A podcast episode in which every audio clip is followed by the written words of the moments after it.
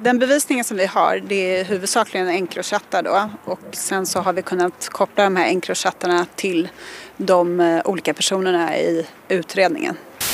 Eh, det som vi påstår då eh, har hänt vid, under det här brottstillfället det är då att han tillsammans med en annan person i samråd med den personen då har beslutat om den här gärningen och den personen är då även med när det här Eh, människorovet blir av då två veckor senare. Ja, eh, det är förstås eh, tråkigt att målsäganden inte har velat medverka och ehm, det hade vi hoppats på. Men i det här fallet så har målsäganden berättat för andra personer om vad han har varit med om. Så att de uppgifterna har vi och de har varit väldigt värdefulla för oss också. Ja, jag tycker att bevisningen i det här ärendet är väldigt bra så att eh, vi motser eh, fällande domar i ärendet. Yassin Abdullahi Mahamoud, 23 år, en av Sveriges mest spelade artister, 1,1 miljoner lyssnare på Spotify, Årets artist på P3 Guld. Och åtalad misstänkt för att ha anstiftat kidnappningen av en artistkollega. Brottsoffret själv har inte velat vare sig anmäla eller berätta vad som hänt men polisen har samlat bevis genom den krypterade mobiltjänsten Encrochat.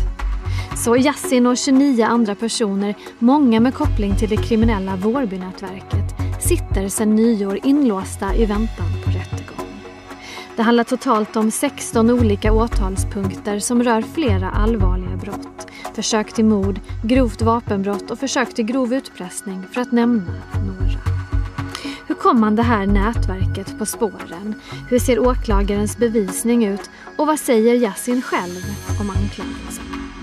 Det ska vi prata om i dagens Aftonbladet Daily. Och vi gör det med Aftonbladets krimreporter Linda Hjertén som får börja med att berätta vad hon tycker är det mest uppseendeväckande med den här utredningen. Nej, men det är ju att ett helt kriminellt nätverk i Stockholm nästan har blivit liksom desarmerat på en och samma dag. Alltså här handlar ju om nästan hela toppskiktet av Vårby, Vårbynätverket som har liksom satts bakom lås och bom. Och det är ganska ovanligt att polisen får till en sån liksom, bullseye på en och samma dag. En av huvudpersonerna i det här åtalet, åtminstone medialt, är ju en mycket känd artist, Yassin. Vilken är hans koppling till Vårbynätverket? Ja, egentligen så kopplas ju jazzen till någonting som kallas för Shottaz, som är en, en kriminellt nätverk i Rinkeby. Men i det här fallet så känner han då folk som är ganska högt uppsatta i Vårbynätverket och det är så som han kopplas till det här fallet och till nätverket. Ja, om vi går in på själva åtalspunkterna. En av de mest uppseendeväckande har ju varit kidnappningen av en annan artist. Hur börjar den historien? Ja, det är svårt att säga, men det man kan se från Encrochat, då, ett krypterat meddelandeverktyg som fransk polis hjälpte till att knäcka och som sen svensk polis har kunnat följa i realtid.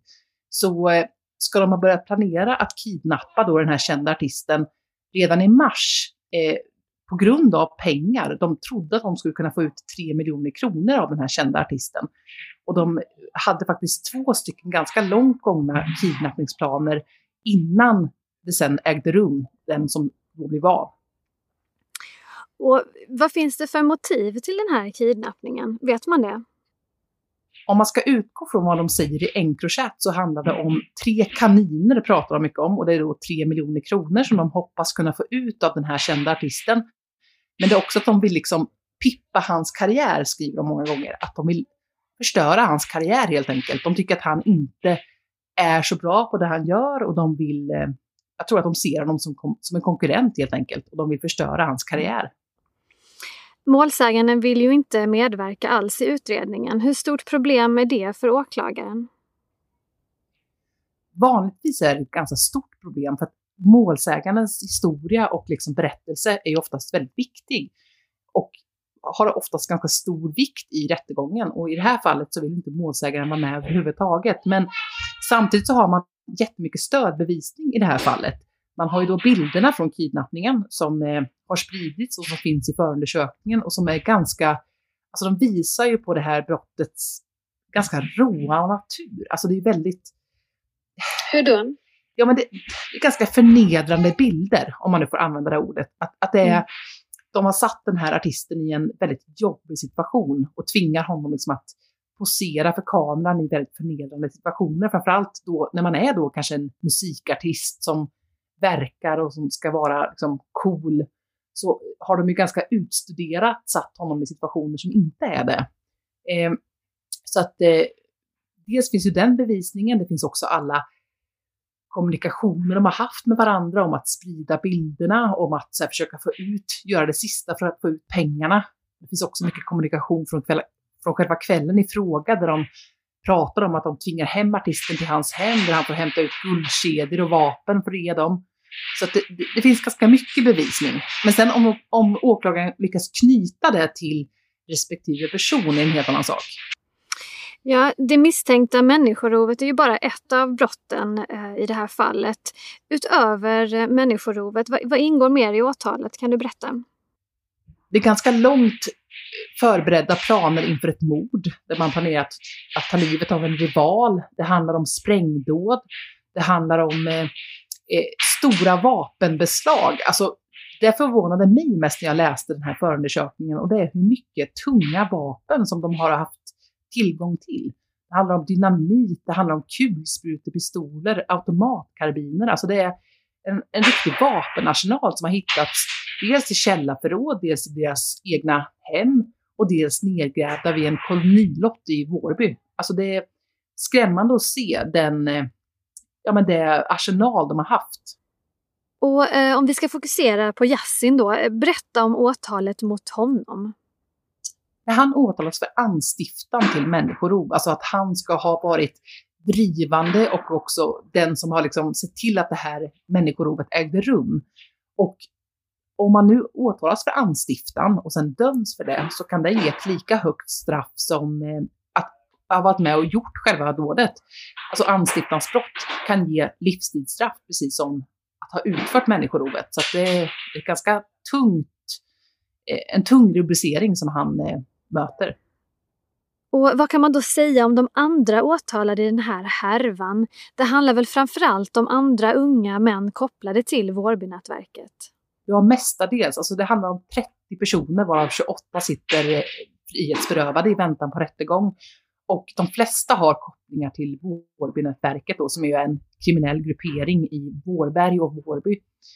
Och det som är intressant efter att alla de här personerna greps är ju att lugnet har lagt sig över Vårby på ett annat sätt än vad det fanns innan. För då pågick väldigt mycket narkotikaförsäljning mitt på öppen gata. Det var liksom många boende som inte vågade gå ner i sina egna källarförråd för att där är de kriminella.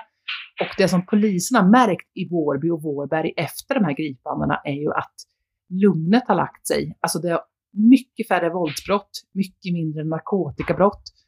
Sen om det är här för att stanna, det är en helt annan fråga.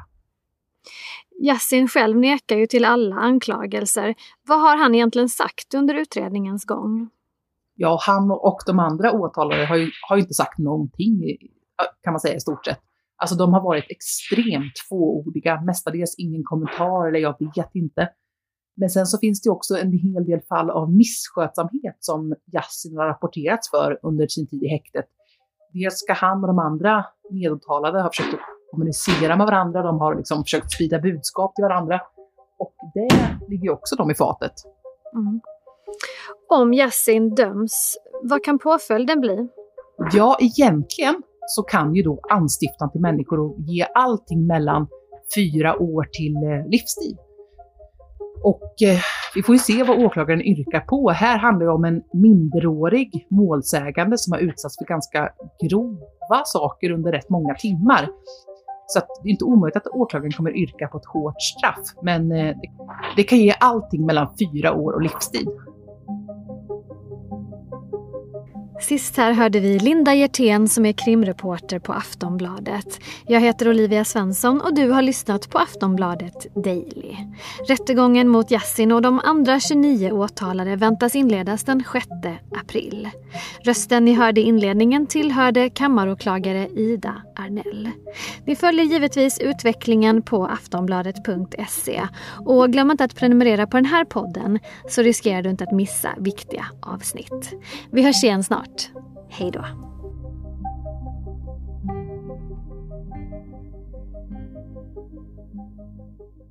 Du har lyssnat på en podcast från Aftonbladet. Ansvarig utgivare är Lena K Samuelsson.